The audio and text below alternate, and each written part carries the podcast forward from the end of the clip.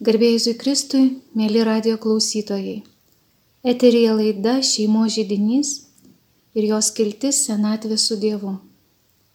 Laidą vedu aš, teologijos mokslų daktarė, psichoterapijos konsultantė Jurgita Fedorinienė.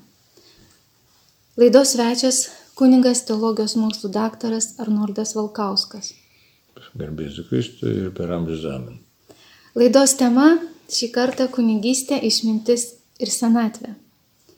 Išmintingas žmogus turi gyvą, manau, tikrą santykį su Dievu, su savim ir, ir su kitu. Mes dažnai pasauliečiai ieškome tikėjimo kelionėje dvasios tėvo ir ieškome išminčiaus, išmintingo, brandaus kunigo, kuris turi tikėjimą, viltį ir meilę ir mes stebime jo tikėjimą, viltį ir meilę. Manau, išmintingas dvasios tėvas nebūtinai yra senas, nors esame įpratę ieškoti senesnio patarėjo savo tikėjimo kelionėje, brandesnio tikinčiojo kunigo. Kaip galvojate jūs, kunigė, dvasios tėvas, koks jis yra ir koks jis turėtų būti? Tai gerai, kad jisai turėtų patirties ir būtų brandus ir pakankamai gyvenimo kelią nuėjęs, tikrai labai didelis turtas, aišku, mes norime tokio įdomaus varianto, kad jis būtų ir senas pakankamai, ir brandus, ir dar galėtų gyventi ilgai. Taip pat galėtų daug duoti mums, kaip sakyti, atnešti tos dvasinės naudos. Aišku, neretai jauni kunigai irgi ir teko ir man tai imtis kažkokių tai tokių sielovadinių uždavinių, bet iš tikrųjų tai skirtumas yra didžiulis, kai tu susiduri su žmogum, kuris nuėjo gyvenimo kelią ilgą, kuris savo kailiu daug dalykų patyrė ir tuo, kuris, nu, tiesiog bando, kaip sakyti, tik tai suprasti kažką. Tai tėvo. Jaunystė geras dalykas yra, labai gražus dalykas, bet paskui jos išmintis atsiranda. Gali atsirasti, nebūtinai, bet atsiranda, gali atsirasti su metais. Tai, va, tai su pergyvenimais, išgyvenimais, Dievo ieškojimu. Nėra paprasta.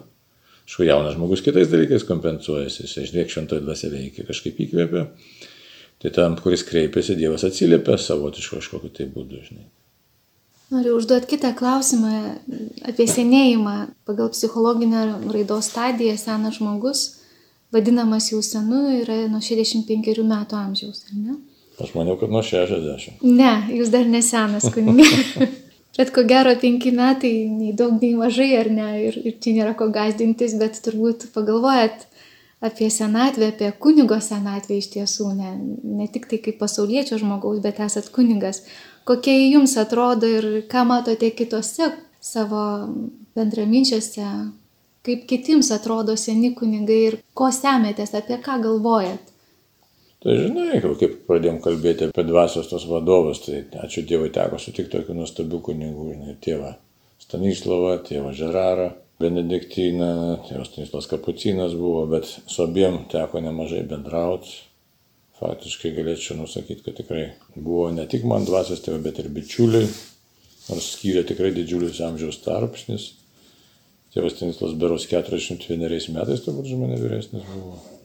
Tėvas Žeraras lygiai 20 metų. Tai bet nesijautė to amžiaus tarpsnis labai įdomus dalykas. Ne, kad jau tik, kad atini pa žmonės, kurie tikrai daug gyvenimo kelią nuėjo, kovų nukovojo tų dvasinių įvairiausių, bet jaudėsi su jais laisvas ir tuo pačiu galintis kažką tai iš jų tikrai gauti vertingą patarimą, pasisemti. Dievo dvasia yra juose, su jais. Tai ką galėčiau pasakyti, ko norisi. Ar kaip sakytinas klausimas to, kad... Apie senatvę. Jo, jo, apie tą senatvę, ką galvoti, na tai žiūrinti tokius asmenys, tai žinai, visai būna apie tą senatvę, aišku. Kunigo senatvė nėra lengva senatvė kaip kuriam, kaip kurį Dievas nuveda. Vieni kažkaip užgesta ramiai, kiti kažkur žinau, atstumti, kažkur užmiršti. Kiti turi, kas jais pasirūpina, kiti neturi, kas jais pasirūpina. Žinai, įvairiai. Sunku pasakyti, tai žinai, senatvė yra senatvė. Tas nebuvimas artimo žmogaus šalia tokio, nu, kuris būtų įpareigotas tavim rūpintis, sakysim, vaikų nėra. Tai, tai truputėlį negali sakyti, kad nesukeltų kažkokio tai tokio neramumo arba kažkokio tokio suklausimo. Bet kita vertus, tai yra žmonės, kurie irgi vienišiai gyvena, neturi vaikų, visai vienišiai gyvena ir neturi to socialinio statuso tokio. Kaip čia pasakyti, nėra pati tokia linksmiausia gal tema, bet Dievas pasirūpina. Tai va, taip iš viso apie senatą kalbėti nėra paprasta, nes nu, yra dulėjimo periodas, ne ruošimus iškeliavimo periodas, galima įvairiai pažiūrėti. Gali būti kažkiek ir džiaugsminga senatvė, ir nelabai džiaugsminga. Sunku pasakyti, kaip čia Dievas pasižiūri, taip labai sunku apibendrinančiai būtų kalbėti, sakyčiau. Nes visokių tų kunigų senatvė teko matyti ir, ir labai nevienodos tos senatvės. Ir artimų gana bičiulių. Kam protas gali pritemti, žinai, kam nepritemsta, ką kokios sunkios lygios užpuola, kas taip užgesta, žinai. Įvairiai. Aišku, čia toks įdomus dalykas, pavyzdžiui, su tėvu Stanislovu teko iš vis. Nežinau, kiek tam buvo, koks Dievas stebuklą tokį padarė, žinai, tai tą naktį, man atrodo, dieną prieš jo mirtį tiesiog teko aplankyti, sekmadienis buvo tada. Tai. Taip nuostabiai iš tikrųjų atsidūrėm prie jo, jo tom reanimacijai, kidainių ligoninį. Tai ne tik, kad pasišnekėjom, mes už jį pasimeldėm su bičiuliais, jisai už mus pasimeldė, vieni kitus palaiminam, jis pilnai sąmonė buvo. Ir jo tokia frazė įstrigo, žinai, tik nesusilituokit, tik nesusilituokit, vaikelė, tik nesusilituokit. Aš tai klausiau tėvai, sakau, tėvė, tėvelė, sakau, su kuo čia taip nesusilituot? Ne, nesusilituokit su kūnu, sako, nesusilituokit, sako, su kūnu, jokių būdų, sako. Labai skausminga, kai susilituoji su kūnu. Žinai. Ką reiškia susilitavimas, kad žmogus, kai savo tą asmenį priima grinai per kūnišką prizmę, žinai. Ar galima to nepriimti, tai vėl klausimas didelis. Nu, kaip šiandien priimti per kūnišką prizmę, žinai, kai tu gyveni kūnė, tai toks irgi nelengvas dalykas. Minėjot ir tėvą Žerarą. Kokios išminties iš tiesų ir matėt senstantį ir, ir vargstantį savo lygoje, kančioje, kokios išminties sėmėtės ir, ir kaip tai atsiliepia apie jūs, jo senėjimas, jo išėjimas. Jo, Na, jo ta, tas susirgymas, kas pažino tėvą Žerarą, žino, žinai, aš čia per daug neišsiplėsiu, kad jisai gana greitai, iš tikrųjų, tas vėžys jį palaužė ir, ir iš pradžių, ir, nu, savotiškai netikėtai ir visiems aplinkui jam pačiam buvo. Tai dar buvo gal vilties, kad kažkas tai keisis, bet blogėjimo tas procesas vyko labai greitai. Saliginai labai greitai, mėnesiai keliai matymas tiesiog kaip iškeliaujančio žmogaus, aš per daug tai jau ten nelankiau, žinai, nes ir karantinas tada buvo, ir nuvažiuoti net liktai ir problematiška buvo, tai paskui teko aplankyti jau visiškai prieš pabaigą, tai taip pat atsisveikinam ir viskas. Čia atsisveikinimo tas pripažinimas, pamatymas žmogaus neįgalumu. Žinai, kaip viskas kaip išmintis, šventų rašto seno testamentos ir atsido išminties knygai. Mirtis, aiškiai, visus sulygina. Tačiau kitas toks dalykas išmintis tikroji, kad žvelg tik tai Dievą ir Dievui atsakymas. Tai, toks gaila tėvo žerauto iškeliavimo, jau gaila kaip dvasios tėvo. Būdavo vis laik turi pas ką nueiti ir pasiklausti ir pasidalinti. Ir pagalvoti, kaip čia gyvenime toliau, kaip čia rinktis, ką daryti. Tuo tarpu jau dabar tenka tokio, nesakysim, iškeliavęs tėvas Stanislavas. Jau senokai, ne paskui tėvas Žeraras iškeliavo, dabar jau atėjo laikas pačiam viską spręsti ir nėra tokio, na, kaip sakyti, tokio dvasios tėvo. Bet turit poreikį vis tiek dvasios tėvo, kunigui irgi reikia, ne dvasios tėvui reikia dvasios tėvo. Būtinai reikia, būtinai. Mokysi nuo lankumo, šventoji dvasiagiai kalba per dvasios tėvus. Tai mokysi iš tikrųjų išminties, mokysi labai daug dalykų, mokysi. Vis dėlto senatvėje yra tas iššūkis, kaip minėjot, kūnas mūsų, vat, jis nėra amžinas, jisai sensta. Ir mes, mes kuo toliau senėjam, susidurėm su lygomis, su iš tiesų santykiu su lyga ir patiriam tą tokį dvasinę kovą, jau kitokią negu jaunystėje. Gal ta kova brandesnė, gal turim daugiau patirties, daugiau resursų. Vis dėlto kokie iššūkiai, ką pastebit savyje, kituose kuniguose ir taip pat pasauliečiuose, va tos senatviniai iššūkiai, ne, ne tik lygoje, bet ir dvasioje senatvė yra prasminga, jeigu mes žinom senatvės prasme ir galvojam apie ją, ne tik apie mirtį, bet ir apie pačią senatvę. Tai žinai, tų knygų gražių parašyta čia yra, kaip čia parodo dabar ir lietuviškai išleista, kaip rinti pusamžį ir kaip tenai senatvė, kaip susitaikyti, bet iš tikrųjų tai kiekvienas turi nueiti savo kelią, žinai, gražiai išnekėti čia galim. O iš tikrųjų tai ką žmogus patiria. Priklauso nuo charakterio, nuo tai, kaip jis gyveno, koks buvo aktyvumas, o kai tu turi susitaikyti su daugeliu dalykų, kurie tau gali visiškai nepatikti. Sakysime, jeigu aktyvuojamas buvo didelis ir tu matai, kad staiga nebepajėgi tokio aktyvumu kaip iki šiol gyventi. Nu, iššūkis. Siekiai sveikatos visą gyvento prasme, nu, kad galėtum funkcionuoti ir kažkokį rezultatą duoti. Matai, kad jau nebeišeina taip. Nu. Ar atsiranda skausmai, kažkokia, vienokia, kitokia. Tai tu išgyveni trapumą savo. Gal vieniem lengviau susitaikyti, kitiems sunkiau su to susitaikyti, žinai, kas nu, daugiau nuolankumo turi charakteriai skiriasi, žinai.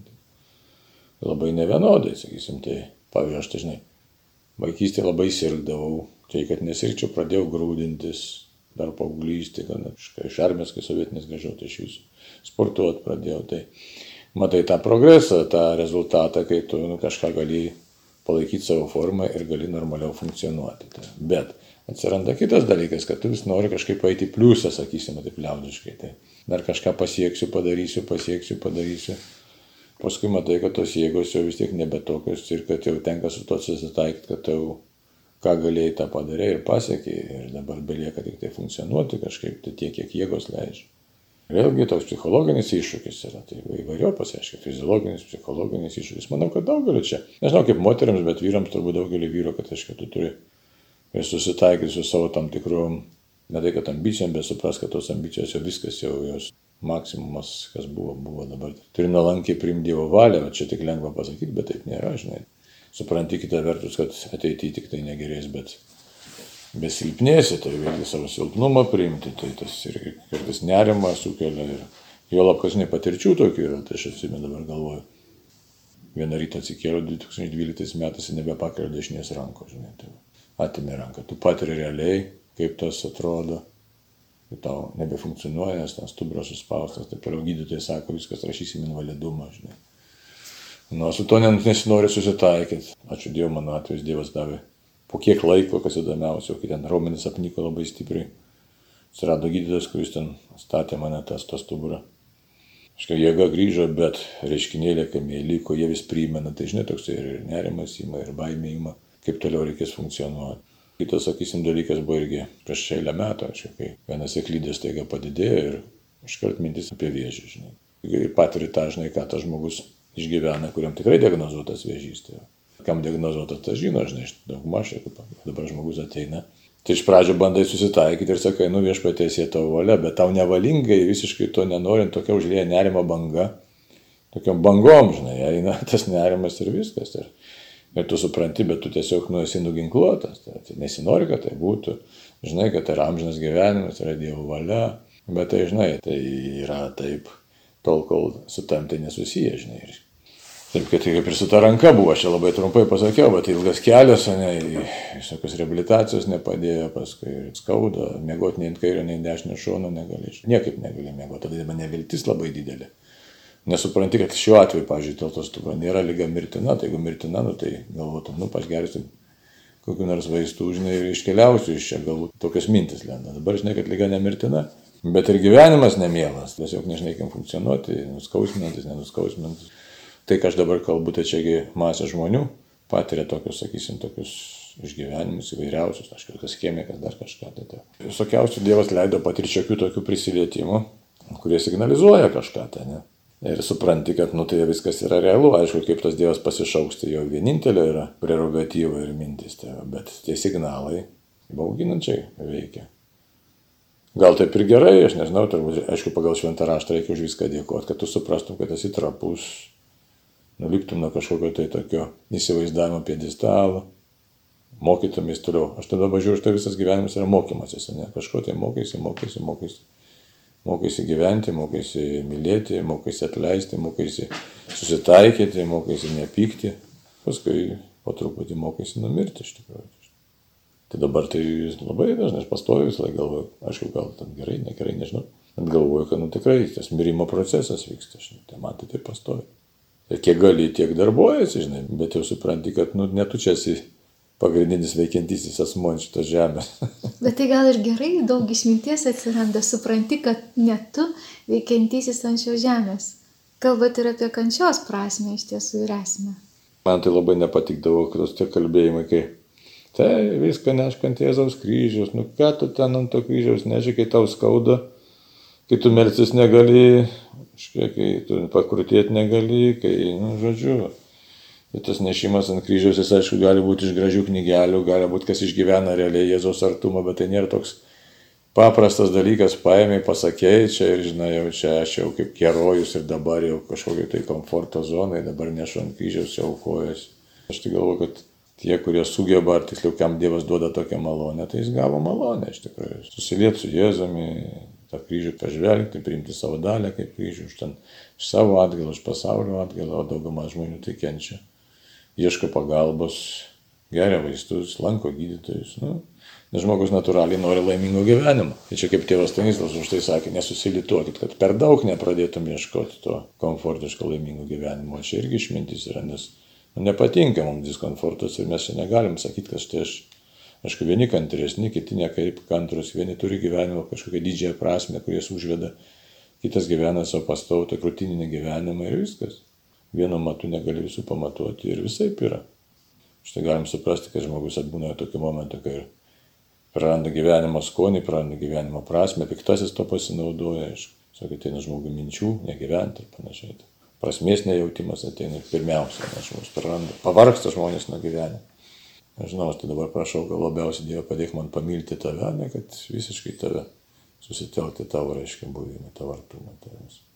Nes kitaip tai čia dar daug dalykų labai tokie pakankamai žmogui, jie, na, nelengvi.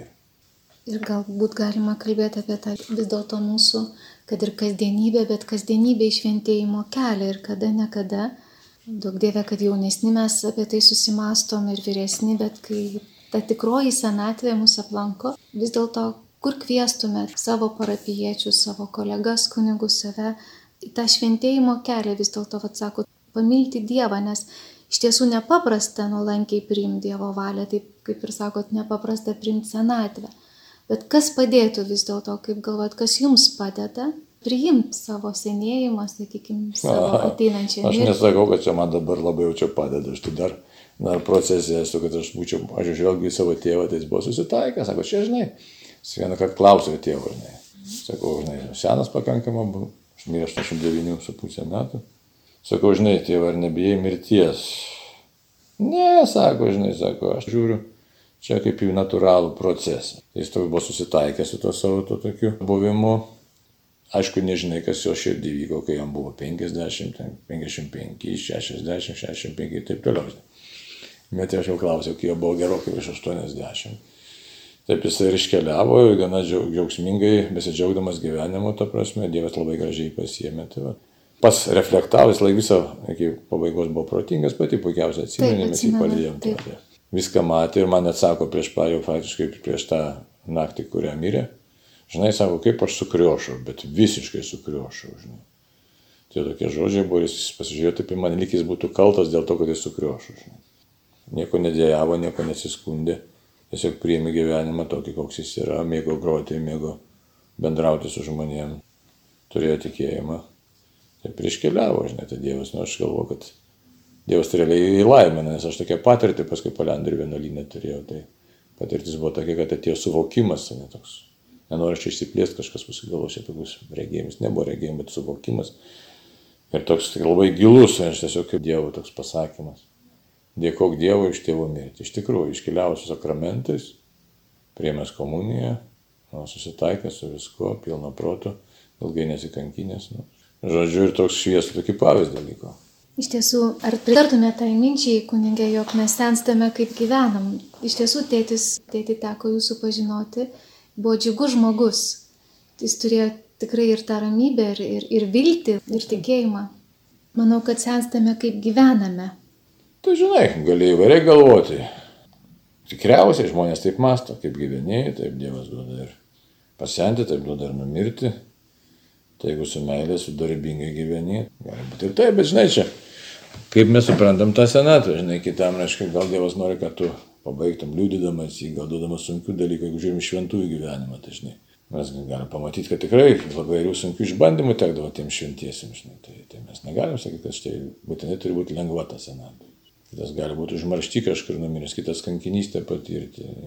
Čia įvairiausių dalykų gali būti. Kažkur nematomas visai. Nes jeigu žiūrėt pagal tikėjimo akimis, tai žinai, kuo daugiau iššūkių tau tenka, tai jam žinybė vainika Dievas didesnį ruošia.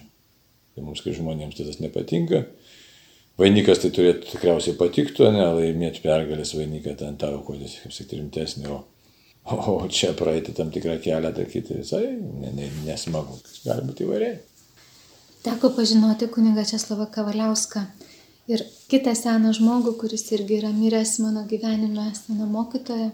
Ir mačiau senus žmonius mylinčius iš tiesų. Bet senas žmogus, tas tikras išminčius man yra mylintis senas žmogus, kuris susitikus nesimato, kad jis rūpinasi tik savim, jis rūpinasi kitu ir kito išganimu, kito gyvenimu, kito kelionę, gyvenimo kasdienybė ir su Dievu. Ką teko jums sutikti, kas buvo išskyrus tėvą Stanislavą ir tėvą Žerarą jūsų gyvenimo mokytojai? O, buvo klebonas, kuriam aš klebonavant šančiuose, Alfonsas Lapė, tarnavau šventoms mišioms, tai prasidėjo mano tas kelias į kunigystę, savotiškai, nežinau, niekas ten galbūt negalvojo, bet jau man tas buvo toks postumis stiprus. Tai jo asmenybė mane stipriai veikia, nes jis toks buvo garsus pamokslininkas, konkretus labai tas buvo vyriškas, žodžiu, daug nedaugiau žodžiaudavo, tai tas man irgi darė įspūdį. Ta jo senatvė irgi tokia, jis nedaug gal gyveno, gal sąlyginai 74 metų, kaip pamenu, mirė nuo skrandžio vėžio, bet toks buvau žemaitis susispyręs paskutiniu metu, kiek pasakojo jo artimieji, tai ta prasme artima aplinka, šeimininkai ten susirgo skrandžio vėžiu ir net nuskausminamų jo nebegėrė specialiai, kad tiesiog kad tai būtų už atgalą, už gyvenimą, kaip sakyti, kažką tai netaip išgyventų padaryti. Ir mirė 84 metais per Velykas mes ėjom aplink bažnyčią, reiškia, tris kartus procesijoje ir kažkelintą ratą einant, atėjo šeimininkai, sako, jau klebonas iškeliavo. Tokia jo baigtis, tai, tai daug gražių kunigų iš tikrųjų teko sutikti, negalėčiau skūsti, sakyčiau, kad, žinai, tiesiog paskui kunigaujant, kad, aišku, įvairios ten jų iškeliavimo ten tos aplinkybės, bet, bet labai gražių tokių įspūdžių tikrai padarė nemažai kunigų. Tas pats ir tevelis vadinam Aleksandras, šančių altaristas, ten buvo labai šviesi asmenybė, tarnavo e, savo bažnyčiai tautai. Šviesus nuodėm klausys, jau iš pažinties visi norėdama eiti pas tevelį Aleksandrą. Kadangi labai švelnaus buvo toks, bet kalbėdavo tiesą. Jau klebonas labai sausai, išpažintis būdavo labai sausos, nors pamokslai labai turiningi, išpažintis labai sausos, o tuo tarpu pas taip vadinamą tėvelį Aleksandrą, tai atvirkščiai pamokslai būdavo tokie, gal tokie ir kartais tokie ilgoki gal jau esmingesni, žinai, bet išpažintis tai vis laik būdavo tokios šilumos kupinos. Tai, tai. Paskui šiauliuose besidarbuojant irgi teko nuostabių kunigų sutikti, kurie tikrai padėjo gyvenimo kelionę ir iškeliavo labai ne vienodų laikų. Zygmas Grinevičius 54 metų numirė staiga širdies smūgis, bet labai daug išminties mums suteikė jauniems kunigams. Ta pati Antaną Įlių teko pažinti, kuris, aišku, vienas pirmųjų buvo Lietuvos rezistencijos kuriejų, tuo metu jis jau šiauliuose baltarista. Iš jo daug dalykų gražiai išgirdome, bet tau šis pirmą tarnauti Dievui ir tėvynėje. Jonas Pavilaitis. Taip kad gražių labai, gražių dalykų teko patirti pasisemti iš kiekvieno. Net. Valdas Požila, tas pats Klevonas, Kleopas Jekaitis irgi kiekvienas, kad tai buvo žmonės, kurie tikrai mylėjo Dievą, mylėjo bažnyčią, kiekvienas savito būdu, kiekvienas turi savo charakterio savybių. Ir daugiau tikrai gražių, negu kažko tik sakyti, o kažkas ten iškliūvo, nepatiko ir panašiai, ar įžeidė, ar atstumė atvirkščiai. Tai buvo žmonės, kurie tikrai padėjo formuotis, kad eik ir tarnauk, man tokia nuostata padėjo susiformuoti. Ir visi jau iškeliavę. Kai tenka dabar, žinai, man nu, pabendrausiu su partizanu Jonu Kadžioniu, jam kiek čia 93-94 turbūt dabar. Tai jisai sako, dabar jau bendrauju su mirusiu pasauliu. Kodėl sakau su mirusiu, tai dar gyvu aplinkoje. Sako, žinai, jie ne mano kartos, o visi mano kartos jau iškeliavę ir aš mintysė bendrauju su tais, kurie jau iškeliavę. Tai irgi tos darosi pasaulis įdomus, irgi pasižiūriu aplinkui jau žmonių daug, su kurie buvo man brangų, sakysime. Tai labai daug tų brangių žmonių, kurie jau iškeliavę, nes klebonai ir, ir, ir, ir tėvai mano asmeniškai, ne, ir bičiuliai, turėjau labai daug gerų bičiulių, kurie, o kaip daug gal tiek, bet, sakysim, parapijose kur teko dirbti, susidraugavę buvom. Jau gerokai vyresni žmonės kažkaip tai pateko, tiesiog tokia, toks santykis užsimės, gal labai gilus draugystės santykis su, su atskirom šeimom, bet visi iškeliavę, žinai. Tai, tai dabar jau irgi galiu dažnai mintysę pabendrauti, ar pasimelsti, ar prisiminti, ar kažkokią kartais jauti tokią kaltę, kad aš taip per mažai bendravau, žinai, kad gal meilės tai parodžiau tiek, kiek galėjau. Visai būna. Kalbate apie netekti ir ilgesį, ilgesį tų, kuriuos mylėjom ir kurių nesutiksim čia žemėje, bet turim viltį susitikti danguje. Ir apie tą karčią tiesą iš tiesų šventam rašte laiškė Titui trašo apie tikinčiųjų priedermes, kas mums dera, kai mes ateinam į tą tikrąją brandą, į tikrąją senatvę, jisai sako, kad tu kalbėk, kas sutinka su sveiku mokslu, kad seni vyrai būtų blaivus, orus, santūrus, sveiko tikėjimo, tikros meilės ir kantrybės. Taip pat, kad senos moteris elgtųsi kaip dera šventoms, neapkalbinėtų, negirto kliautų, mokytų gero. Tai yra skatintų jaunesnėsias mylėti savo vyrus ir vaikus. Būti santūres, skaičias, rūpestingas šeimininkės, geras, klusnes savo vyrams, kad dėl jų nebūtų šmeižiamas Dievo žodis. Apie kunigystę išminti ir senatvę kalbėjom kažkiek, vat, sutinkat iš tiesų vat, senstančius parapiečius, senstančius pasauliečius, kaip su tom tikinčiųjų priedermėm. Ką vat, norėtumėt išskirti iš tiesų pasakyti vat, mums visiems, kurie einam į tą šventėjimo kelią vis tiek trokštam šventėt, nors kažkiek ar ne, ar su, nors susidurėm su iššūkiais. Taip, mirtim, senatvė, lygom. Bet matai, labai moko nuolankumo iš tikrųjų. Aišku, tas mums nelabai patinka, tas neįgalumas. Ir jis negali patikti, nes žmogus sukurtas laisvas, o tiek lygos neįgalumas, tiek senatvės neįgalumas mus riboja. Ir štai čia yra neišvengiamas konfliktas, bet to tiek senatvė, kadangi jinai susijusi su tam tikrų galių sumažėjimu, tiek lyga signalizuoja apie susitikimą su mirtimi.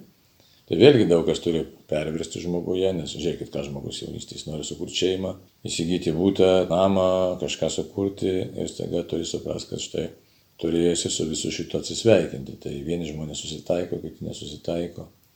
Kaip ir su to jėgų mažėjimu dažnai nori vis eiti pliusą, kažką tai daryti, sakau, taip eiti pliusą, ne, tai tavas, nu, visom prasmėm. Bankė sąskaita, kad didėtų, kad viskas gerėtų, nu, visa mūsų visuomenė taip orientuota yra. Kažkas tai turi gerėti, tiesiog toks užsivedęs mechanizmas. O tuo tarpu čia visiškai kitaip, reiškia, nuolankėjai priimti, pamatyti, padaryti reviziją savo gyvenimuose. Tai čia aš prisimenu amžinatėsi Piotrą Mamonovą, jis netaip seniai iškeliavo, ne, garsų rusų muzikantą, aktorių kaip jis kalbėjo apie savo tiesiog rengimąsi mirčiai, sako, aš kiekvieną dieną ne, raušiuosi mirti. Dabar ne ta blogąją prasme, bet kad mirti tai reiškia eiti susitikti su viešpažiu. Tai mes turėtume mokytis tokio, ko šiandien labai stinga visiems, aš sakyčiau, kunigams ir tikintiesiems. To dėmens labai stinga, kad tikrai aš realiai einu susitikti su viešpačiu, realiai einu. Ir kad einu su tuo, kuris man nori absoliutaus gėrio, ne kažkokio dalinio gėrio, nesąlyginio, einu susitikti su tuo, kuris absoliučiai mane myli, kuris tiek mane myli, kad pats įžengė į tą kryžiaus paslaptį. Kaip to susidėsti turi mūsų patirtyje, mūsų smegenyse, tai čia nėra paprastas dalykas, nėra paprastas procesas. Tai vienam lengviau, kitam sunkiau, iš tikrųjų yra iššūkis, bet jeigu tapti, aš sakyčiau gal kitaip, net su amžiumi mes esame kviečiami tapti tikrai tikinčiaisiais. Nes šiaip tai mes daug kartų deklaruojam savo tikėjimą, o gyvenam kažkaip taip tiesiog gyvenam, kaip gyvenasi. Tuo tarpu mūsų realybė senatvė, lygos, mirties artėjimas, jeigu suspėjom tą padaryti, ne, labai stipriai pakoreguoja, pakviečia tikrajam buvimui. Ir nėra paprasta primnės, nes kažkokia iliuzija vis dar yra, kad gal dar čia kažkaip, dar čia nelaikas, dar kažkaip, o iš tikrųjų laikas. Laikas čia ir dabar, arba gal tas kartais noras paskubėti toks atsiranda, kažkur tai paskubėti, nes įpratę esam skubėti. O čia viskas tik tai Dievo rankose. Žinai, čia vėl ne vienodai, bet nuolankumas tas rimtas dalykas yra tai. Arba susitaikymas, nes ko negali pakeisti. Ne. Kita vertus, padaryti, ką privalai padaryti, kaip sakiau, tai yra dar dalykai, kuriuos mes privalom padaryti. Reiktų kalbėti iš esmės apie tvarkos klausimą, šiaip gyvenime, bet tai tas tvarkos ne tas, kas ne apie dulkių čia valymą kalba, bet apie gyvenimiškos tvarkos, ką aš galiu pats padaryti, ką aš galiu savarankiškai padaryti, ką aš privalau padaryti, kaip savo dieną turiu tvarkyti, tiesiog būtų prasminga, kaip savo mintis turiu tvarkyti, kad nepervargti ir netinginiauti, Nu, žodžiu, pagal savo jėgas pasimatuojant tas šventumo kelias. Šventumo kelias tai iš esmės yra išminties kelias. Tai yra kokios išminties? Nu, kaip man gyventi pagal tai, ką Dievas man yra įdėjęs, kuris mane kviečia. O jis įdėjo kiekvienam žmogui vis kitokių gabumų. Jis įdėjo šiek tiek sveikatos, ne, šiek tiek ugnies įdėjo, ilgesio įdėjo, įvairių dalykų įdėjo. Tai aš esu šaukiamas atsiliepti Dievui pagal savo pajėgumus. Bet pats pagrindinis dalykas esu kviečiamas santykiui su Dievu. Tai kaip tas santykis turi atrodyti, kiekvieną dieną jis šiek tiek kitoks tas būna santykis. Tai čia toks būtų turbūt didžiausias dalykas, kad įsisamonint Jėzau, būtent toks trapus, aš tavo vedamas einu pas tave. Nes kartais norisi maištauti, kartais norisi nesutikti, kartais norisi kažko, tai tokių, na, tiesiog neįsisamonintų yra dalykų. Taigi senatvė matom, kad gali būti labai prasminga, jeigu mes tikėsim, jog ruošiame susitikimui su Dievu ir jį susitiksim. Taip, čia manom, čia jau, ne, čia ne tai, kad manimas, čia yra tikėjimo toks dalykas, labai įsitikinimo, netoks. Paskui gali tapti patirtiniu dalyku, nes labai svarbu tikėjime yra patirtis. Ir ko patirtis, reiškia, mes galim peržvelgti savo gyvenimą, turėtume peržvelgti savo gyvenimą į keliom prasmėm. Vienas dalykas, kad tiesiog pamatyti, kaip Dievas mane vedė per metų metus, kas galėjo atsitikti.